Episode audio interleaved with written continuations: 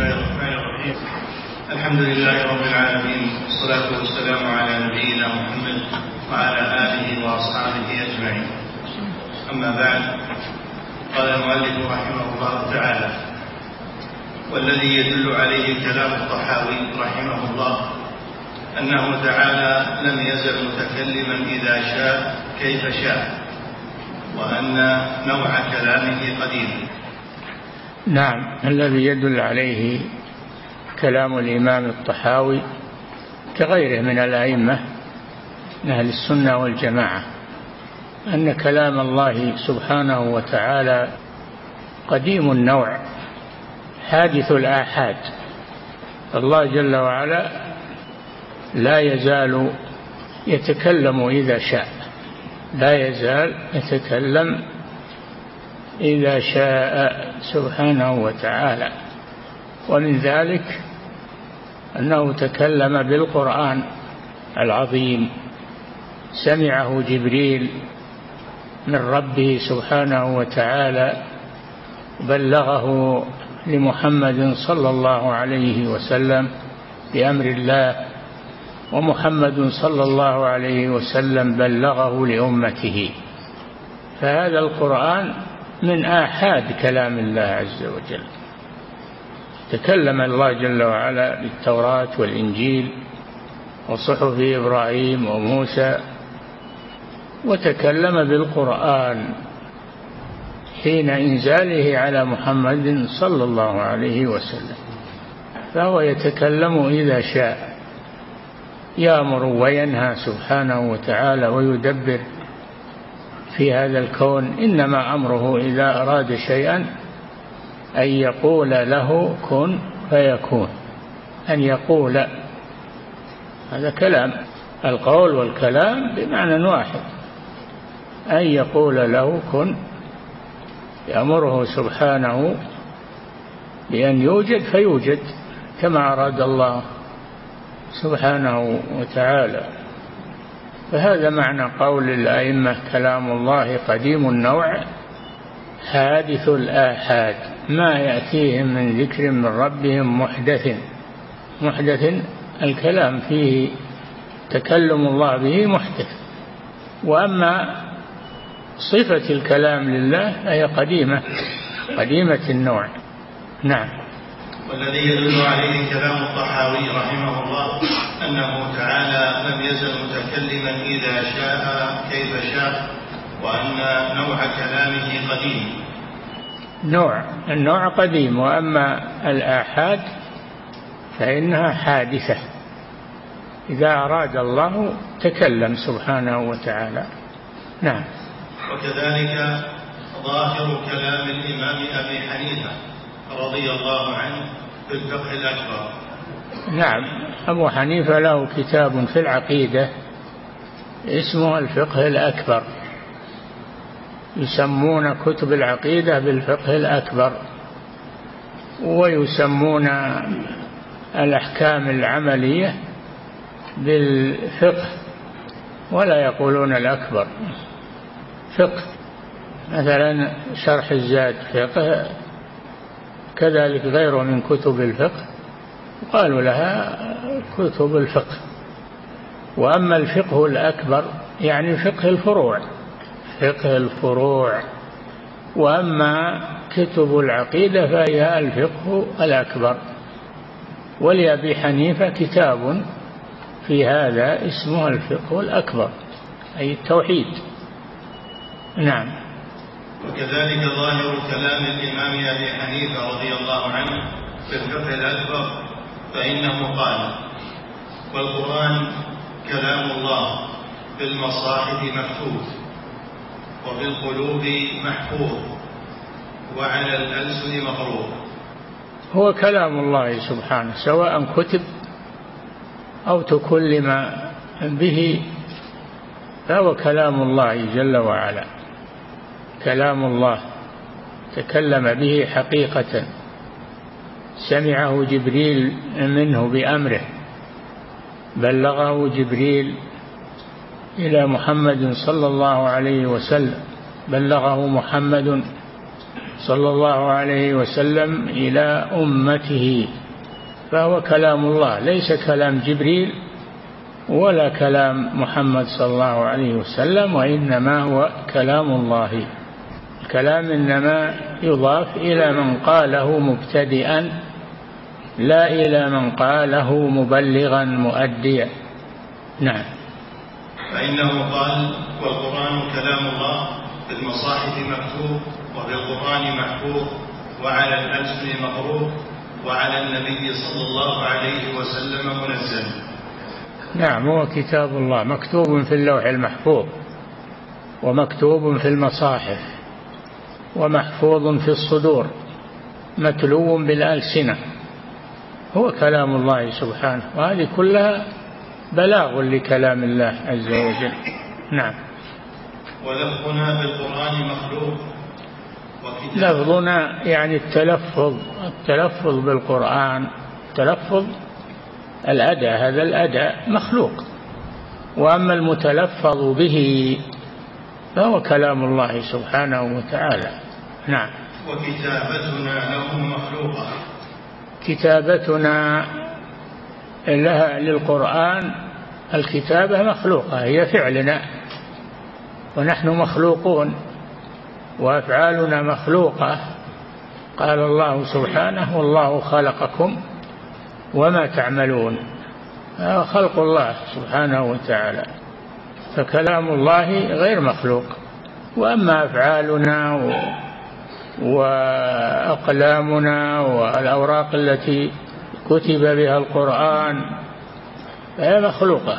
كتابته في اللوح المحفوظ اللوح المحفوظ مخلوق أيضا وهو كلام الله بأي اعتبار مقروءا ومكتوبا ومحفوظا هو كلام الله سبحانه وتعالى. وإن أحد من المشركين استجارك فأجره حتى يسمع كلام الله. سماه كلام الله. يعني يسمع القرآن حتى يسمع كلام الله. فالقرآن كلام الله. وإن نحن نقلناه وكتبناه وحفظناه فهو كلام الله سبحانه. نعم. وكتابتنا له مخلوقة وقراءتنا له مخلوقة أي نعم. الكتابة مخلوقة هي عملنا الكتابة عملنا. هي مخلوقة. قراءتنا له قراءتنا له مخلوقة. القراءة أما المقروء فهو كلام الله سبحانه وتعالى. نعم. وقراءتنا له مخلوقة والقرآن غير مخلوق. أي نعم. القرآن وهو المقروء هذا غير مخلوق. كلام الله سبحانه وتعالى. نعم. وما ذكره الله في القرآن حكاية عن موسى وغيره من الأنبياء عليهم الصلاة والسلام وعن فرعون وإبليس فإن ذلك كله كلام الله إخبار عنهم. اي نعم. هو كلام الله وهو إخبار عن هؤلاء عن المخلوق عن إبليس عن عن كل مخلوق. قراءة المخلوق وكتابة المخلوق والأوراق المكتوب فيها القرآن كلها مخلوقة. أما القرآن نفسه فهو كلام الله مقروءا ومحفوظا ومكتوبا. هو كلام الله سبحانه وتعالى. نعم. كلام الله غير مخلوق وكلام موسى وغيره من المخلوقين مخلوق. كلام موسى بلاغ عن الله. وهذا البلاغ مخلوق. موسى عليه السلام مخلوق ولسانه الذي تكلم به مخلوق لكن المتكلم به والمبلغ ليس مخلوقا. هو كلام الله. نعم. وكلام موسى وغيره من المخلوقين مخلوق والقرآن كلام الله لا كلامهم. القرآن كلام الله.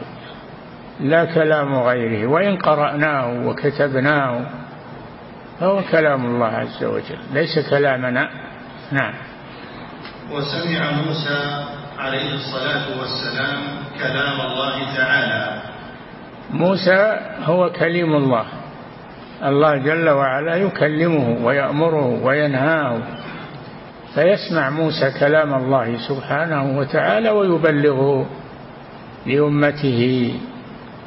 نعم وسمع موسى عليه الصلاة والسلام كلام الله تعالى فلما كلم موسى كلمه بكلامه الذي هو من صفاته لم يزل وصفاته كلها خلاف صفات المخلوقين نعم. يعلم لا كعلمنا ويقدر لا كقدرتنا ويرى لا كرؤيتنا ويتكلم لا ككلامنا. نعم وإن كان الاسم مشترك بالنسبة لكلامنا وكلام الله هذا مشترك. ولكن المتكلم به والمبلغ هو كلام الله سبحانه وتعالى. نعم. يعلم لا كعلمنا ويقدر لا كقدرتنا ويرى لا كرؤيتنا الله جل وعلا له صفات. والمخلوقون لهم صفات وإن اتفقت صفات الخالق والمخلوق في اللفظ فإنها لا بد أن, أن, أن يكون كلام الله ليس هو كلام المخلوق وكلام المخلوق ليس هو كلام الله. نعم. ويرى لا كرؤيتنا ويتكلم لا ككلامنا نعم الله جل وعلا سميع بصير. والإنسان سميع بصير. الله يتكلم والإنسان يتكلم. الله يغضب والإنسان يغضب.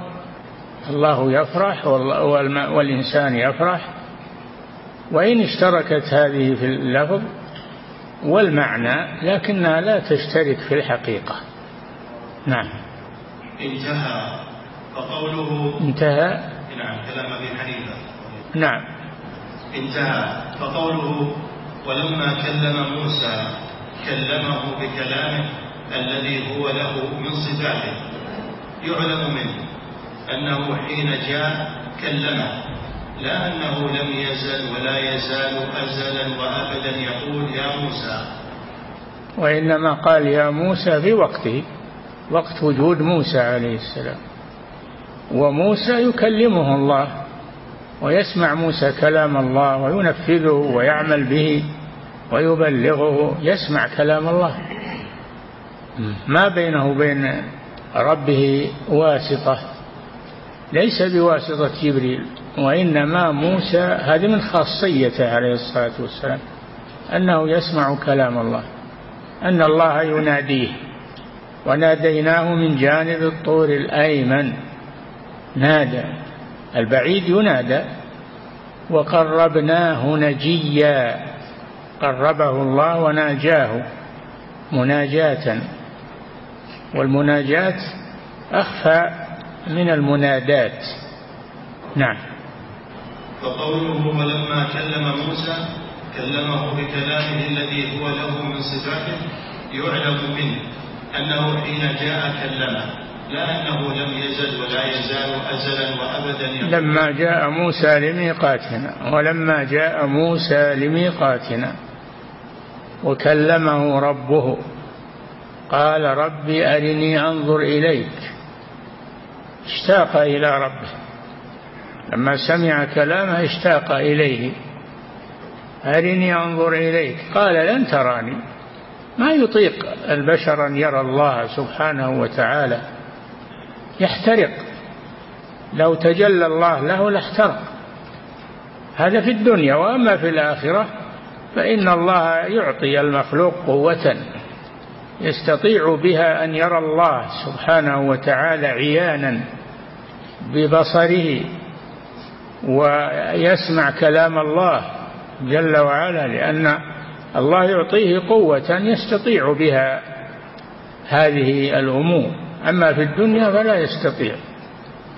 قال لن تراني ولكن انظر إلى الجبل.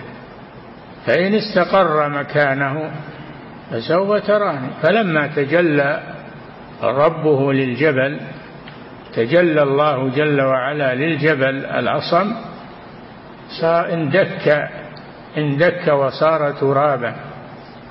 صار ترابا بدل أن كان صخرا صلبا. من عظمة الله سبحانه. فلما تجلى ربه للجبل جعله دكا اندك الجبل وصار ترابا وخر موسى صاعقا مغشيا عليه. فلما أفاق موسى عليه السلام قال سبحانك تبت إليك وأنا أول المؤمنين. قال يا موسى إني اصطفيتك على الناس برسالاتي وبكلامي فخذ ما آتيتك وكن من الشاكرين. نعم. يعلم منه أنه حين جاء كلمه لأنه لم يزل ولا يزال أزلا وأبدا يقول يا موسى كما يفهم ذلك من قوله تعالى ولما جاء موسى لميقاتنا وكلمه ربه. ولما جاء موسى كلمه وقت المجيء. لما جاء للميقات الذي حدده الله له جاء إلى هذا الميقات كلمه ربه وسمع موسى كلامه. اختار موسى قومه سبعين رجلا لميقاتنا الميقات الذي وعد الله فيه موسى أن يكلمه. فلما سمعوا كلام الله قالوا أرنا الله جهرة فأخذتهم الصاعقة وهم ينظرون. احترقوا.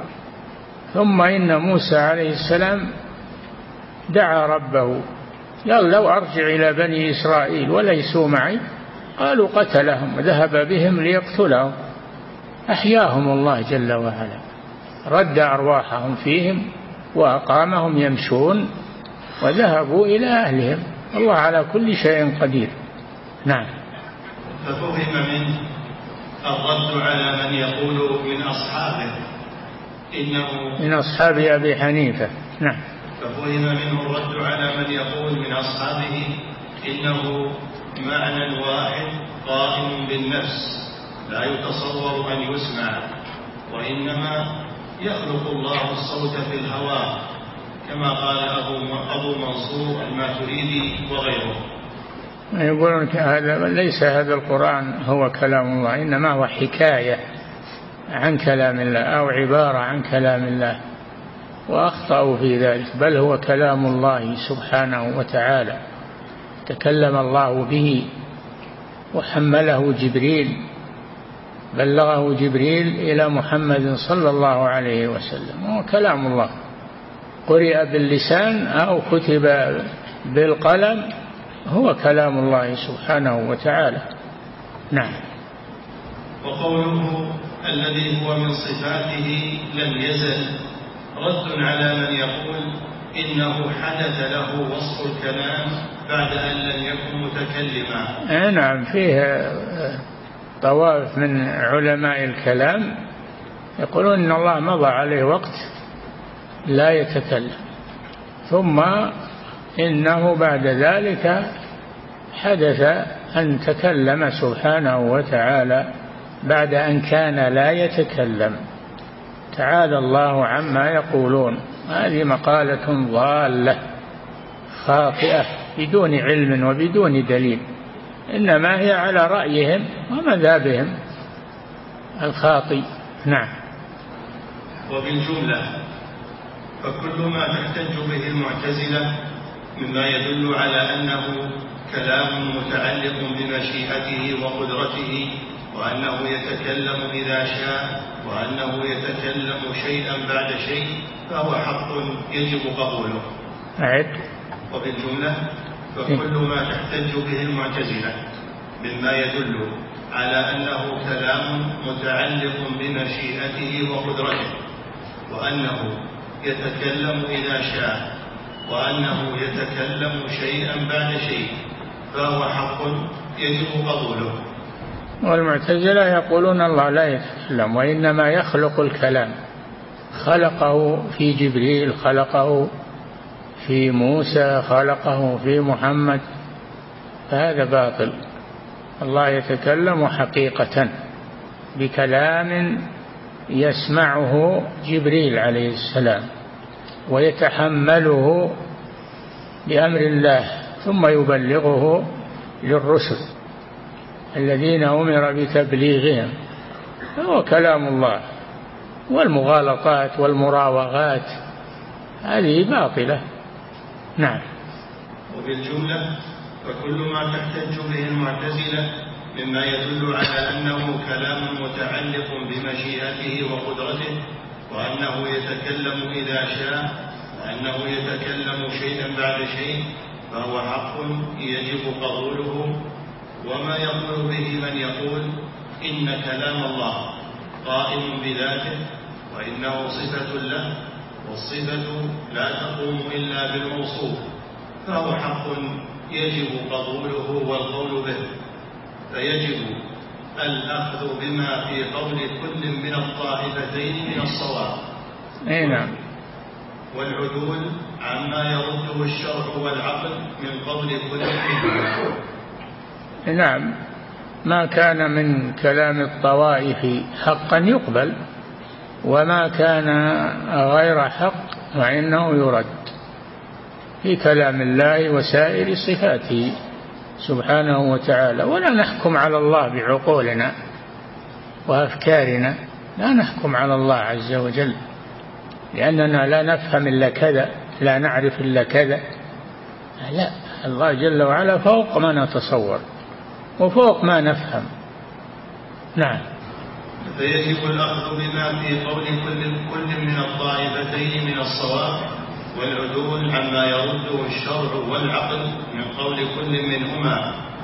ما في كلامهم من الحق نقبله وما فيه من غير الحق نرده لأنه من عندهم وليس من عند الله سبحانه وتعالى. ويقولون على الله ما لا يعلمون. ويحكمون على الله بعقولهم وأفكارهم وبما أملاه عليه عليهم سادتهم وعلماؤهم. هذا لا نقبله في حق الله سبحانه وتعالى. نعم. فإذا قالوا لنا فهذا يلزم أن تكون الحوادث قامت به. قلنا هذا القول مجمل. إذا وصفنا الله بأنه يتكلم إذا شاء قالوا الكلام هذا حادث. أنتم وصفتم أن الحوادث تحل في الله عز وجل. نقول ما لنا ولهذا. نحن نقول ما جاء في كتاب الله وسنة رسوله. فلا علينا من تخرصاتكم وإلزاماتكم وهذه خلوها عندكم. لا تحكمون على الله وعلى كلام الله. نعم. فإذا قالوا لنا فهذا يلزم أن تكون الحوادث قامت به. قلنا هذا القول مجمل. اي نعم الحوادث نريد بها نريد بها أنها صفة حدثت ولم تكن سبقت هذا باطل. وإن نريد بها أن أنه يتكلم وأنه يسمع ويبصر و ويعلم فهذا حق. ولا علينا من إلزاماتكم واصطلاحاتكم. نعم. قلنا هذا القول مجمل ومن أنكر قبلكم قيام الحوادث بهذا المعنى به تعالى من الأئمة. إي نعم ما أنكروها إن الله إن الله يتصف بالكلام يتصف بالسمع والبصر يتصف بالقدرة يتصف بهذه الأشياء سبحانه وتعالى كما وصف بها نفسه. وأما ما أضفتموه من عندكم هذا مرفوض ومردود عليكم. نعم. ومن أنكر قبلكم قيام الحوادث بهذا المعنى به تعالى من الأئمة ونصوص القرآن والسنة تتضمن ذلك ونصوص الأئمة أيضا مع صريح العقل. نعم. ولا شك أن الرسل عليهم الصلاة والسلام الذين خاطبوا الناس وأخبروهم أن الله قال ونادى وناجى ويقول لم يتهموهم أن هذه مخلوقات منفصلة عنه بل, الذي بل هي صفاته بل هي صفاته وصفاته لا تنفصل عنه سبحانه. نعم. بل الذي أفهموهم إياه أن الله نفسه هو الذي تكلم. نعم. والكلام قائم به لا بغيره أي نعم. هو الذي تكلم به وقاله. كما قالت عائشة رضي الله عنها في حديث الإفك ولشأني في نفسي كان أحقر من أن يتكلم الله في بوحي يتلى. نعم لما حصل على عائشة الامتحان واتهمها المنافقون بالإفك قبحهم الله تأثرت من ذلك. وهي تعلم أنها بريئة. تعلم أنها بريئة. لكن المنافقون تكلموا وقالوا فتأثرت تأثرا بليغا. حتى أنزل الله جل وعلا أولئك مبرؤون مما يقولون. لهم مغفرة ورزق كريم. قالت أنا ما كنت أتصور أن الله سيتكلم في. وإنما أرجو أن يرى الرسول رؤيا تنفي ما قالوه يرى رؤيا تنفي ما قالوه. ما ظننت أن الله سيتكلم في شأني رضي الله عنها. نعم فالله جل وعلا برأ زوجة رسوله مما قاله المنافقون وبرأ أولئك مبرؤون مما يقولون. لهم مغفرة ورزق كريم. هذا لعائشة رضي الله عنها. نعم. أن الله سبحانه وتعالى نفسه هو الذي تكلم والكلام قائم به لا بغيره وأنه هو الذي تكلم به وقاله كما قالت عائشة رضي الله عنها في حديث الإفك ولشأني في نفسي كان أحقر من أن يتكلم الله بي بوحي يتلى. يتلى إلى يوم القيامة أولئك يعني عائشة مبرؤون مما يقولون لهم مغفرة ورزق كريم. نعم. ولو كان ولو كان المراد من ذلك كله خلاف مفهومه لوجب بيانه. إذ تأخير البيان عن وقت الحاجة لا يجوز. فنحمله على ظاهره ولا نتأوله. من عندنا نحمله على ظاهره ونصف الله به لأن الله وصف نفسه بذلك. نعم. ولا يعرف في لغة ولا عقل. قائل متكلم لا يقوم به القول والكلام وإنما قام الكلام بغيره. لا يعرف قولهم هذا إن كلام الله في غيره أنه مخلوق في غيره خلقه في جبريل خلقه في محمد. هذا كلام باطل. هو كلام الله. سمعه جبريل وبلغه لمحمد وبلغه محمد لأمته. وهو كلام الله سبحانه وتعالى. نعم. ولا يعرف في لغة ولا عقل. قائل متكلم لا يقوم به القول والكلام وإنما قام الكلام بغيره. وإن زعموا أنهم فروا من ذلك حذرا من التشبيه فلا يثبتوا صفة غيره فإنهم إذا قالوا يعلم لا كعلمنا قلنا ويتكلم لا كتكلمنا. اي نعم. وكذلك سائر صفاته. يهو يعلم لا كعلمنا يبصر لا كبصرنا يسمع لا كسمعنا يليق بجلاله وعظمته سبحانه وتعالى. نعم. وهل يعقل قادر لا تقوم به القدرة أو حي لا تقوم به الحياة؟ يعني لا يوصف بها. قادر لا يوصف بالقدرة. متكلم لا يوصف بالكلام كما يقولون. نعم. وهل يعقل قادر لا تقوم به القدرة أو حي لا تقوم به الحياة؟ وقد قال صلى الله عليه وسلم أعوذ بكلمات الله التامات التي لا يجاوزهن بر ولا فاجر أعوذ بكلمات الله التامات هذه الكلام كلمات القدرية. هذه الكلمات القدرية التي لا يجاوزهن بر ولا فاجر. أما الكلمات القرآنية فإن الفاجر يتجاوزها ولا يعمل بها. الكفار لا يعملون بها ويتجاوزونها. الكلام القرآني أما الكلام الذي هو القضاء والقدر فهذا لا. نعم. وقد قال صلى الله عليه وسلم أعوذ بكلمات الله التامات التي لا يجاوزهن بر ولا فاجر فهل يقول عاقل إنه صلى الله عليه وسلم عاد لمخلوق؟ أي نعم. كما تقوله المعتزلة يقولون الكلام هذا مخلوق. أما الله فإنه لا يتكلم لكن خلق الكلام في غيره. نعم. بل هذا كقوله أعوذ برضاك من سخطك وأعوذ بمعافاتك من عقوبتك. أعوذ برضاك. هذا رضا الله سبحانه وتعالى الذي اتصف به وليس رضا مخلوق. وإنما هو رضاه الذي هو صفة من صفاته فالله يرضى ويغضب ويمقت ويحب ويبغض سبحانه وتعالى.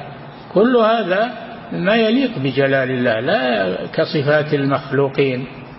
لأنهم يقولون لو, لو أثبتنا له الصفات شبهناه بالمخلوقين.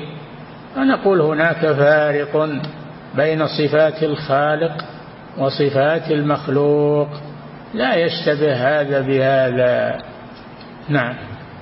بل هذا كقوله أعوذ برضاك من سخطك وأعوذ بمعافاتك من عقوبتك. نعم. وكقوله أعوذ بعزة الله وقدرته من شر ما أجد وأحاذر بعزة الله وعظمته. العزة والعظمة صفتان من صفات الله. وهما من صفات ذاته سبحانه وتعالى. ليست غير الله عز وجل وليست مخلوقة. نعم. أعوذ بعزة الله وقدرته من شر ما أجد وأحاذر وكقوله وأعوذ بعظمته. قول الرسول صلى الله عليه وسلم كقوله يعني الرسول. الرسول يعوذ بالله وبصفات الله ويسأل يسأل الله ويسأل بصفات الله. نعم. وكقوله وأعوذ بعظمتك أن نغتال من تحتنا. نعم. كل هذه من صفات الله تعالى. اي نعم. وهذه المعاني مبسوطة في مواضعها وإنما أشير إليها هنا إشارة. هذه كلام شيخ الإسلام ابن تيمية. مبسوطة بسطها الشيخ وبينها. نعم. وكثير من متأخر وكثير من متأخري الحنفية على أنه معنى واحد والتعدد والتكثر والتجسي والتبعد في الحاصل في الدلالات لا في المدلول هذا كلام باطل. نعم. وهذه العبارات مخلوقة وسميت كلام الله بدلالتها عليه وتأديه بها فإن عبر عنها بالعربية فهو قرآن وإن عبر عنها بالعبرية فهو توراة فاختلفت العبارات ما الكلام. قالوا وتسمى هذه العبارات كلام الله مجازا. وهذا كلام فاسد. كذبوا في ذلك. كلام الله حقيقة لا مجازا. كلام الله حقيقة لا مجازا. كسائر صفاته سبحانه وتعالى. وما أفسد المقالات والمذاهب مثل المعتزلة قبحهم الله. نعم. وهذا كلام فاسد فإن لازمه أن معنى قوله ولا تقربوا الزنا هو معنى قوله وأقيموا الصلاة. شيء واحد. وهل يعقل أن قوله لا تقربوا الزنا هو قوله لا تقربوا الصلاة وأنتم سكارى؟ هل يعقل هذا؟ نعم. ومعنى آية الكرسي هو معنى آية الدين. اي نعم. يا أيها الذين آمنوا إذا تداينتم بدين. وآية الكرسي الله لا إله إلا هو الحي القيوم. يقولون هو نفسه. آية الكرسي وآية الدين هي, هي شيء واحد. نقول لا هو شيء واحد. بل, بل هذا صنف وهذا صنف. نعم. ومعنى سورة الإخلاص هو معنى تبت يدا أبي لهب. نعم وش بينهم فرق عظيم. تبت يدا هذا وعيد وإخبار عن أبي لهب الذي هو عم الرسول صلى الله عليه وسلم الذي عاند الرسول وكذبه فصار يتابعه ويقول لا تصدقوه فإنه كاذب.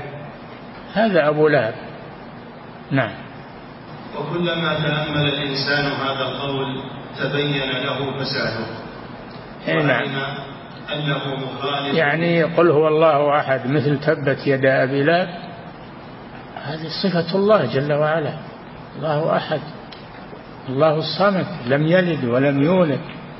مثل قوله تعالى تبت يد أبي لهب. هذا ذم لأبي لهب وهو وعيد. نعم. وكلما تأمل الإنسان هذا القول تبين له فساده وعلم أنه مخالف لكلام السلف. نعم. والحق أن التوراة والإنجيل والزبور والقرآن من كلام الله حقيقة. نعم. تكلم الله بالتوراة التي أنزلها على موسى والإنجيل الذي أنزله على عيسى. عليهما الصلاة والسلام والزبور الذي أنزله الله على داود. نعم. والحق أن التوراة والإنجيل والزبور والقرآن من كلام الله حقيقة وكلام الله تعالى لا يتناهى. كلام الله لا حد له ما زال يتكلم إذا شاء يأمر وينهى ويخلق لا حد لأفعاله سبحانه وتعالى. نعم. وكلام الله سبحانه وتعالى لا يتناهى فإنه لم يزل يتكلم بما شاء إذا شاء كيف شاء.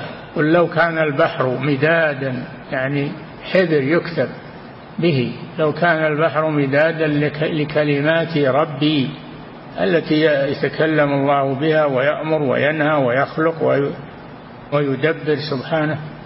قل لو كان البحر مدادا لكلمات ربي لنفد البحر قبل أن تنفد, أن تنفد كلمات ربي ولو جئنا بمثله مددا. نعم. وكلام الله سبحانه وتعالى لا يتناهى فإنه لم يزل يتكلم بما شاء إذا شاء كيف شاء ولا يزال كذلك. نعم.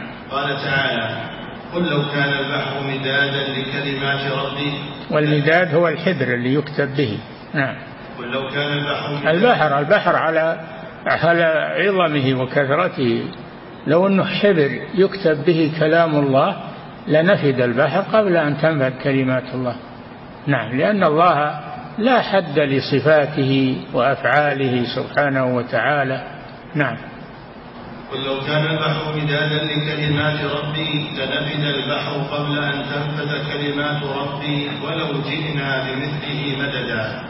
ولو أن ما في الأرض من شجرة أقلام والبحر يمده من بعده سبعة أبحر ما نفدت كلمات الله. لأن كلمات من صفاته صفاته لا نهاية لها. نعم. وما يزال يأمر وينهى. ويدبر في هذا الكون العظيم الفسيح. نعم. وقال تعالى ولو أن ما في الأرض من شجرة أقلام والبحر يمده من بعده سبعة أبحر ما نفدت كلمات الله؟ إن الله عزيز حكيم. نعم. ولو كان ما في المصحف عبارة من كلام الله وليس هو كلام الله. كما يقول الماتريدية والأشاعرة نعم. ولو كان ما في المصحف عبارة من كلام الله عبارة من كلام الله وليس هو كلام الله لما حرم على الجنب والمحدث مسه. اي نعم. لو كان عبارة أو حكاية لكلام الله والذي عبر وحكى هو جبريل مخلوق من المخلوقين ما حرم مس المصحف على الجنب لأنه كلام جبريل ما هو كلام الله. دل على أنه كلام الله جل وعلا. في كتاب مكنون لا يمسه إلا المطهرون. تنزيل من رب العالمين. نعم. ولو كان ولو كان ما يقرأه القارئ ليس كلام الله لما حرم على الجنوب قراءة القرآن. نعم. بل كلام الله الجنوب لا يقرأ شيء من القرآن ولا آية. كان صلى الله عليه وسلم لا يحجبه عن قراءة القرآن سوى الجنابة. لا يحجر, يحجر يحجزه عن قراءة القرآن سوى الجنابة. لا يقرأ شيء من القرآن حتى يغتسل ويتطهر عليه الصلاة والسلام. نعم. بل كلام الله محفوظ في الصدور. مقروء بالألسنة بالألسنة مكتوب في المصاحف كما قاله أبو حنيفة رحمه الله في الفقه الأكبر. نعم. الفقه الأكبر كتاب لأبي حنيفة في العقيدة. الفقه الأكبر في العقيدة يعني. هي الفقه الأكبر. التوحيد هو الفقه الأكبر. وأما الفروع فهي الفقه المعروف الأحكام الفقهية. نعم. وهو في هذه المواضع كلها حقيقة. وإذا قيل المكتوب في المصحف كلام الله فهم منه معنى صحيح حقيقي. وإذا قيل فيه خط فلان وكتابته فهم منه معنى صحيح حقيقي. أي نعم فالقلم والكتابة فعل العبد الكاتب. وأما المكتوب فهو كلام الله سبحانه وتعالى. الكتابة فعل المخلوق والمكتوب هو كلام الله سبحانه وتعالى. يفرق بينهما. نعم. وإذا قيل فيه مداد قد كتب ويقول القحطاني في نونيته هو هو قول ربي هو قول ربي لفظه وحروفه ومدادنا يعني الحبر والرق وهو الورق مخلوقان. نعم. وإذا قيل فيه مداد قد كتب به فهم منه معنى صحيح حقيقي. وإذا قيل المداد في المصحف كانت الظرفية فيه غير الظرفية المفهومة من قول القائل فيه السماوات والأرض. وفيه محمد وعيسى. ونحو ذلك.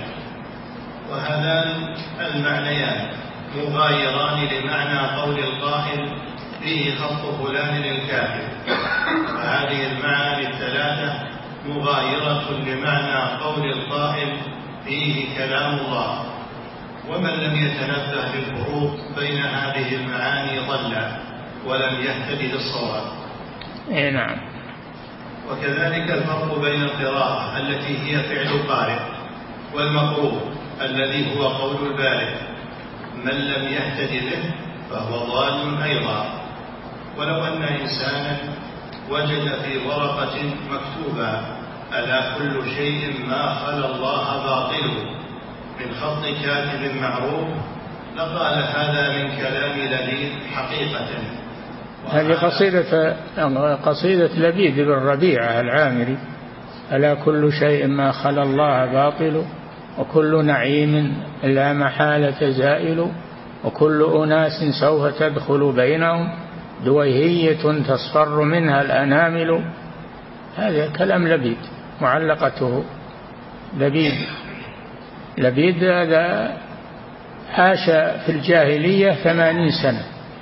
وأسلم لما بعث النبي صلى الله عليه وسلم أسلم وعاش في الإسلام ثمانين سنة أخرى رضي الله عنه.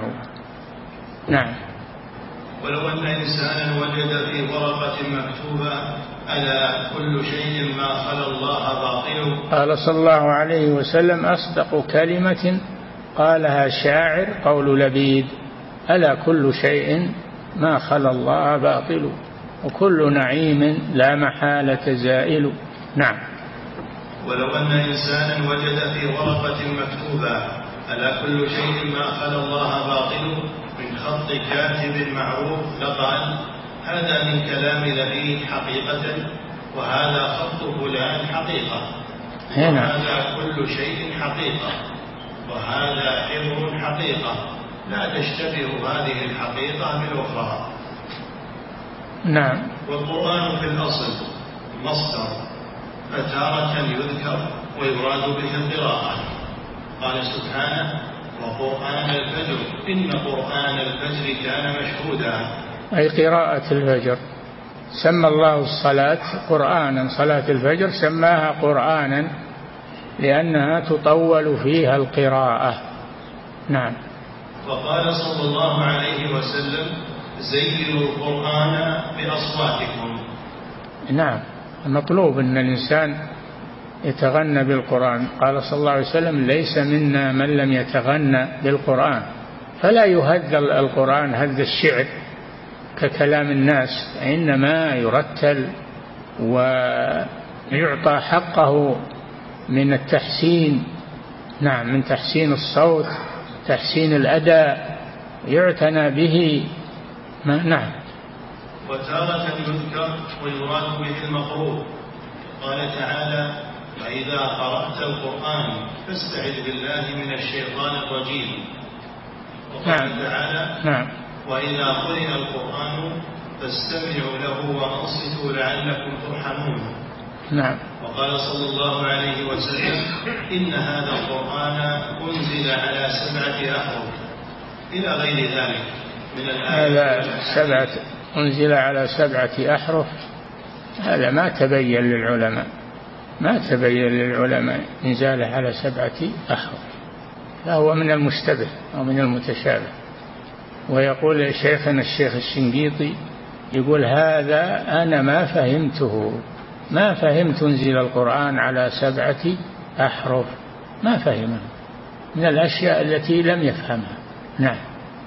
إلى غير ذلك من الآيات والأحاديث الدالة على كل من المعنيين المذكورين. فالحقائق لها وجود عيني وذهني ولفظي ورسمي. ولكن, ولكن الأعيان تعلن ثم تذكر ثم تكتب. فكتابتها في المصحف هي المرتبة الرابعة. نعم. الكلام فإنه ليس بينه وبين المصحف واسطة بل هو الذي يكتب بلا واسطة ذهن ولا لسان. والفرق بين كونه في زبر الأولين وبين كونه في رق منشور أو في كتاب مكنون واضح. فقوله سبحانه عن القرآن وإنه لفي زبر الأولين أي ذكره ووصفه والإخبار عنه. ليس القرآن في زبر الأولين نفس نص القرآن وإنما ذكر القرآن والإخبار عنه ووصفه. هذا في زبر الأولين. التوراة والإنجيل الزبور مذكور فيها مذكور فيها القرآن الذي ينزل على محمد صلى الله عليه وسلم. ولم يذكر القرآن نفسه إنما ذكره ذكره في هذه الكتب. نعم. وقوله سبحانه عن القرآن وإنه لفي زبر الأولين أي ذكره ووصفه والإخبار عنه. قال تعالى أولم يكن لهم آية أن يعلمه علماء بني إسرائيل؟ علموا أنه سينزل القرآن على آه، محمد صلى الله عليه وسلم. يعلمون هذا. نعم. كما أن محمدا صلى الله عليه وسلم مكتوب عندهم. نعم النبي الأمي الذي يجدونه مكتوبا عندهم في التوراة والإنجيل يأمرهم بالمعروف وينهاهم عن المنكر ويحل لهم الطيبات ويحرم علي عنهم ويحرم عليهم الخبائث ويضع عنهم إصرهم والأغلال التي كانت عليهم.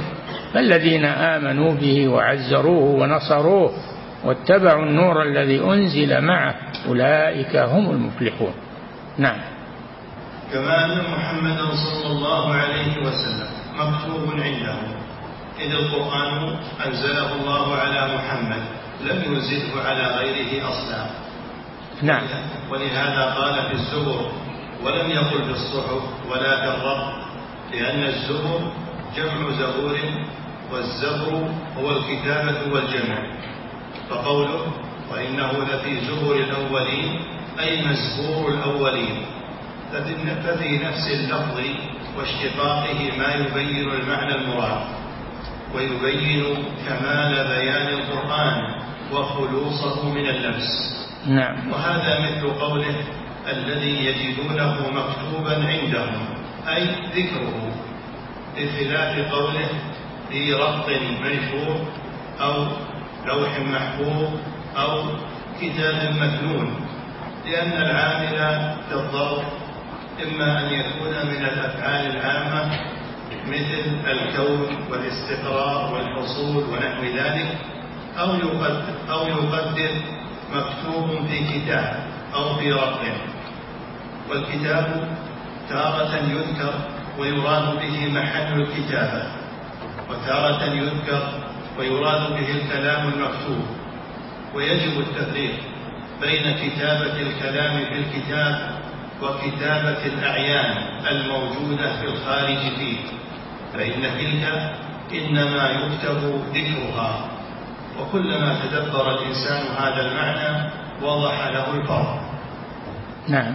وحقيقة كلام الله سبحانه وتعالى الخارجية هي ما يسمع منه أو من المبلغ عنه.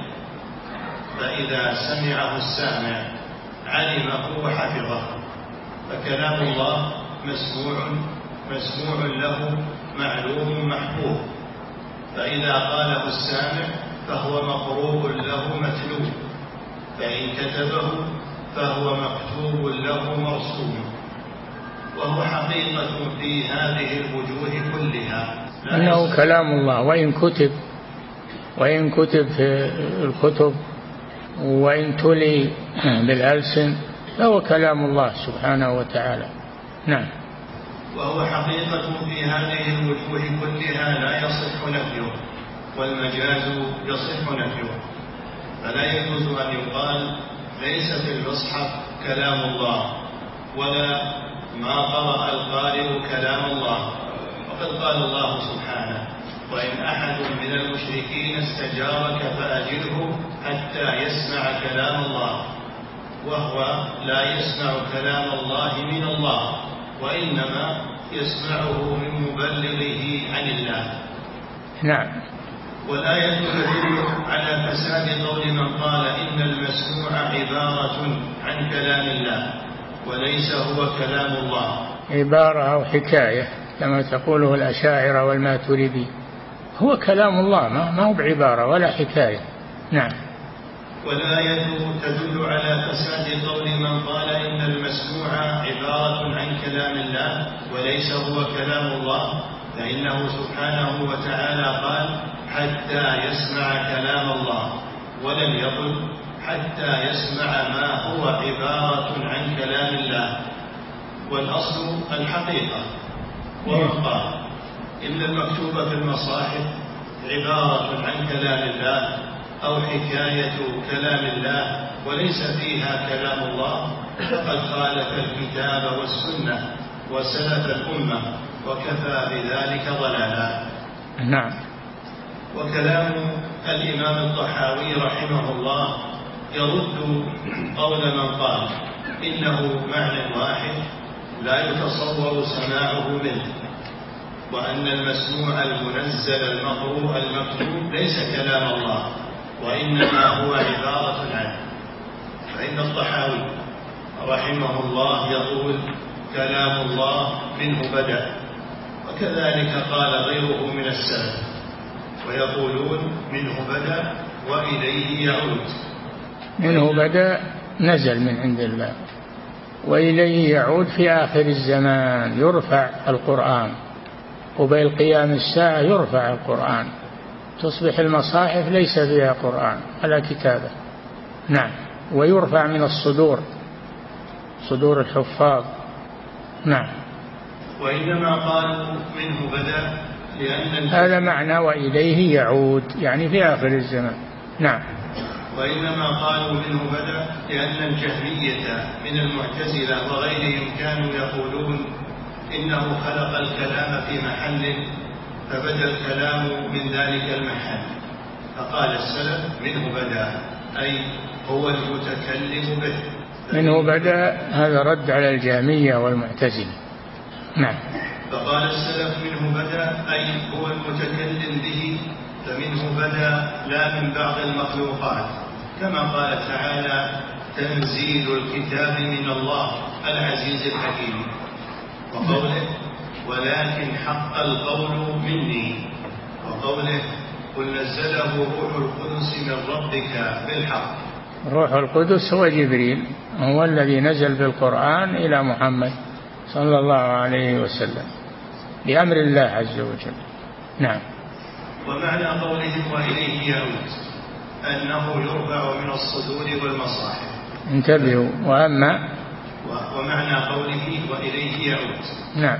أنه يرفع من الصدور والمصاحف فلا يبقى في الصدور منه آية ولا في المصاحف كما جاء ذلك في عدة آثار. نعم. وقول الإمام الطحاوي رحمه الله بلا كيفية أي لا تعرف كيفية تكلمه به قولا ليس بالمجاز. وأنزله على رسوله وحيا. أي أنزله إليه على لسان الملك فسمعه الملك جبريل عليه السلام من الله وسمعه الرسول محمد صلى الله عليه وسلم من الملك وقرأه على الناس. قال سبحانه وقرآنا فرقناه لتقرأه على الناس على مكث ونزلناه تنزيلا. فرقناه أي نزلناه مفرقا. ولم ينزل جملة واحدة على محمد صلى الله عليه وسلم. نعم. لتقرأه على الناس على مكث ونزلناه تنزيلا. تدرج. هذا على مكث يعني تدرج. لو نزل القرآن جملة واحدة طولبوا به ما عجزوا. لكن كون الشيء فشيء تدرج يسهل عليهم. نعم. وقال تعالى نزل به الروح الأمين. اللي هو جبريل عليه السلام. نعم. على قلبك لتكون من على قلبك قلب محمد صلى الله عليه وسلم. نعم.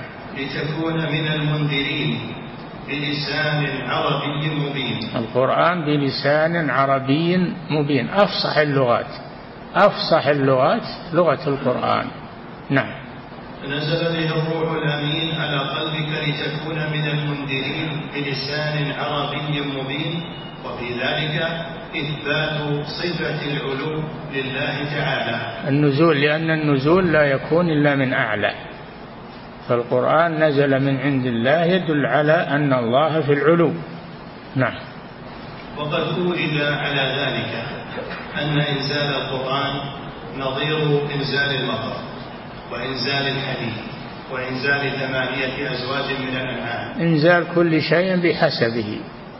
إنزال يكون من السماء يكون من الجبل يكون من الشجرة. الإنزال كل شيء بحسبه. ونقف على هذا. نعم. فضيلة الشيخ وفقكم الله. هذا السائل يقول هناك من يذكر بأن القديم من أسماء الله عز وجل فهل هذا الكلام صحيح؟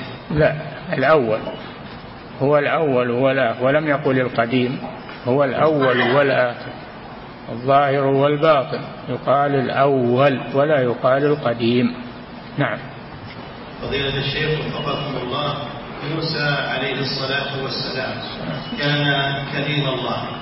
فهل معنى ذلك أنه كان يكلم الله متى شاء؟ أي نعم. كان الله يكلمه ويأمره وينهاه ويسمع كلامه وينفذه ويبلغه للناس. نعم. فضيلة الشيخ وفقكم الله في قول موسى عليه الصلاة والسلام وأنا أول المؤمنين. هل معنى ذلك؟ أنه أول المؤمنين أنك يا الله لا ترى في الدنيا هل هذا مقصود؟ تبت إليك وأنا أول المؤمنين. لما طلب أن يرى الله عز وجل طلب موسى أن يرى ربه ربي أرني أنظر إليك. قال لن تراني يعني ما تستطيع تراني بشر ما يستطيع رؤية الله في الدنيا في الدنيا أما في الآخرة يرون الله. قال لن تراني ولكن انظر إلى الجبل فإن استقر مكانه فسوف تراني. فلما تجلى ربه للجبل جعله دكا. إن دك الجبل من هيبة الله وعظمة الله سبحانه وتعالى كيف موسى يبي, يبي يصمد عند هذا؟ وخر موسى صاعقا مغشيا عليه. فلما أفاق قال سبحانك تبت إليك وأنا أول المؤمنين. نعم. الشيخ وفقكم الله هذا يقول ما حكم الذهاب إلى جبل الطور الذي كلم الله سبحانه وتعالى عنده موسى. لا يذهب إليه. ما شرع لنا الرسول صلى الله عليه وسلم أن نذهب إليه. ولا أمر الله بزيارته. نعم. فضيلة الشيخ وفقكم الله هذا سائل يقول هناك كلام في القرآن عن نبي الله موسى أنه قال فهل نقول إنه كلام موسى؟ نعم. هناك كلام في القرآن عن نبي الله موسى عليه السلام أنه قال حكاه الله عن موسى حكاه الله عن موسى وكلام موسى لكن حكاه الله عنه. نعم.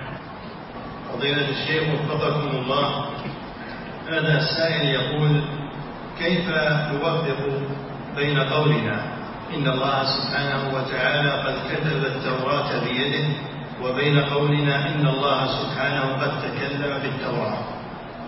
تكلم بها وكتبها يا أخي. ما في ما في تعارض. تكلم بها وكتبها. نعم. فضيلة الشيخ وفقكم الله. هذا السائل يقول الله جل وعلا ثلاثة كلها خلقها الله بيده. خلق آدم بيده.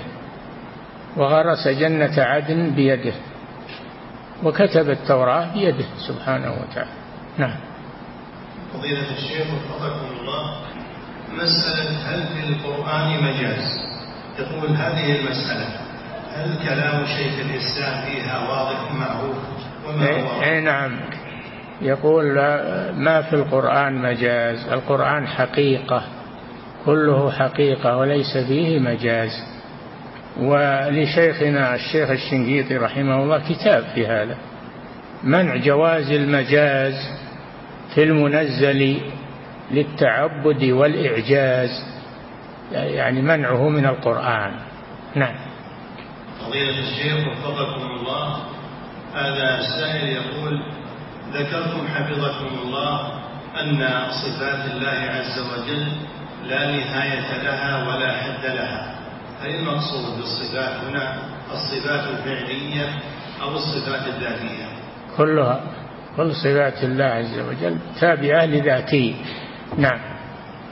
فضيلة الشيخ وفقكم الله هذا سائل يقول هل يصح أن نقسم الدين إلى أصول وفروع؟ أصول يعني عقائد وفروع يعني أحكام عملية. نعم هو كذلك. نعم هو أصول وفروع. نعم. فضيلة الشيخ وفقكم الله هذا السائل يقول كيف يستطيع المسلم أن يفرق بين الأسماء والصفات لله عز وجل؟ وما هو الذي يشتق من الآخر؟ كل اسم من أسماء الله يشتق منه صفة من صفاته. فالعليم يشتق منه العلم القدير يشتق منه القدرة وهكذا. ولهذا كانت حسنى ولله الأسماء الحسنى فادعوه بها. حسنى لأن كل اسم منها يدل على صفة من صفات الله وليست ألفاظا مترادفة. نعم. فضيلة الشيخ وفقكم الله هذا سائل يقول هل هناك فرق بين الأحرف السبعة وبين القراءات السبع؟ الأحرف السبع بما عرفت والقراءات السبع والعشر هذه معروفة قراءات معروفة وكلها متلقات عن الرسول صلى الله عليه وسلم بأسانيد. نعم. فضيلة الشيخ وفقكم الله. هذا سائل يقول ما حكم مناداة الميت بقصد الدعاء له أو لتبيين فضله؟ كأن يقول القائل يا فلان لقد كنت في حياتك كذا وكذا أسأل الله أن يرحمك. لا يجوز هذا. لا يجوز. مناداة الميت ومخاطبة الميت. ادعو الله له بدون أن تناديه. نعم. هذا الذي ورد. نعم. فضيلة الشيخ وفقكم الله هذا سائل يقول إذا كان الإنسان على جنابه قال الله جل وعلا وما أنت بمسمع من في القبور. نعم. فضيلة الشيخ وفقكم الله هذا سائل يقول إذا كان الإنسان على جنابة وأراد أن ينام قبل أن يغتسل بل توضأ فقط وأراد أن يقرأ أذكار النوم فهل له أن يقرأ آية الكرسي والمعوذتين وهو على جنابة؟ لا يقرأ شيئا من القرآن وهو على جنابة لا للورد ولا لغيره. نعم. فضيلة الشيخ وفقكم الله هذا السائل يقول كيف التعامل مع بعض العلماء والأئمة الذين حصل لهم غلط في باب الأسماء والصفات؟ هل نقرأ كتب كتبهم ونثني عليهم في ذلك؟ لا تقرأ الكتب التي فيها أخطاء عقدية وغلط. اقرأ الكتب البينة الواضحة الموثوقة. نعم تكفيك إن شاء الله. نعم.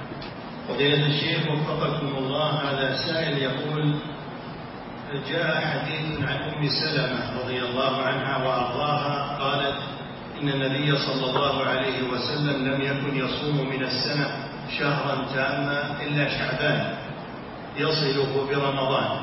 وجاء حديث عن عائشة رضي الله عنها أنه كان يصوم شعبان إلا قليلا.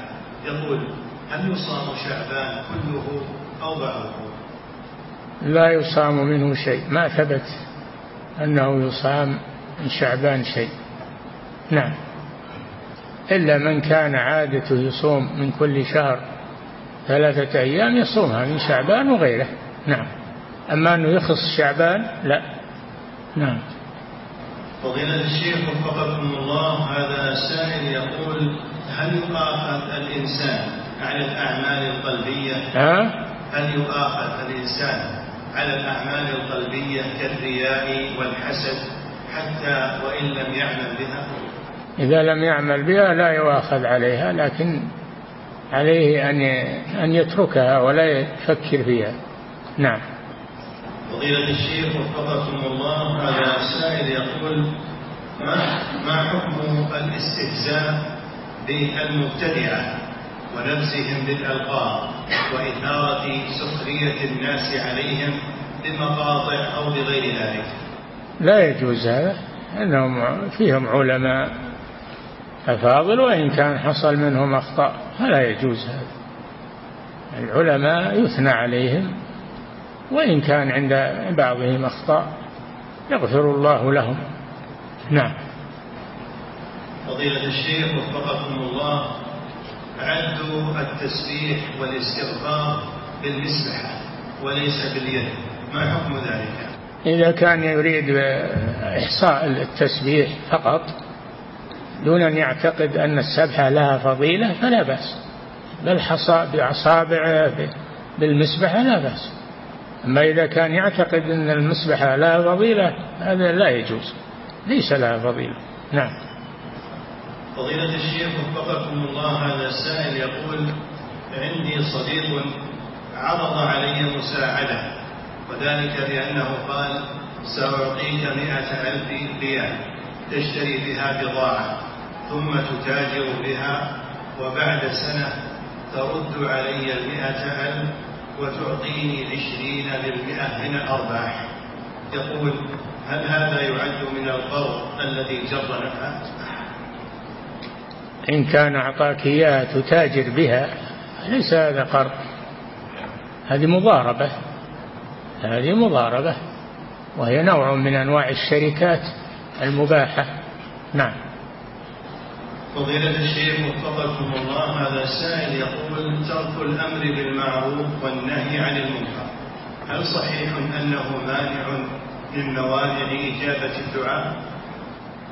اي نعم ثم تدعون الله. فلا يستجاب لكم. نعم. جاء في الحديث إنكم إذا تركتم الأمر بالمعروف والنهي عن المنكر فإنكم تدعون الله ولا يستجيب لكم. نعم. فضيلة الشيخ وفقكم الله هذا سائل يقول سائل من خارج هذه البلاد يقول يلاحظ في بعض المساجد عندنا التي تتكون من أدوار أن النساء اللاتي ليس معهن أطفال. يصلين في الدور الأول واللاتي معهن أطفال في الدور الثاني وهكذا. يقول مع وجود متسع. هل هذا ينافي وصل الصفوف الأول فالأول لا بأس. إذا كانت اللي معها أطفال يروحون في دور منعزل لئلا يشوشون على الناس ما في بأس. نعم.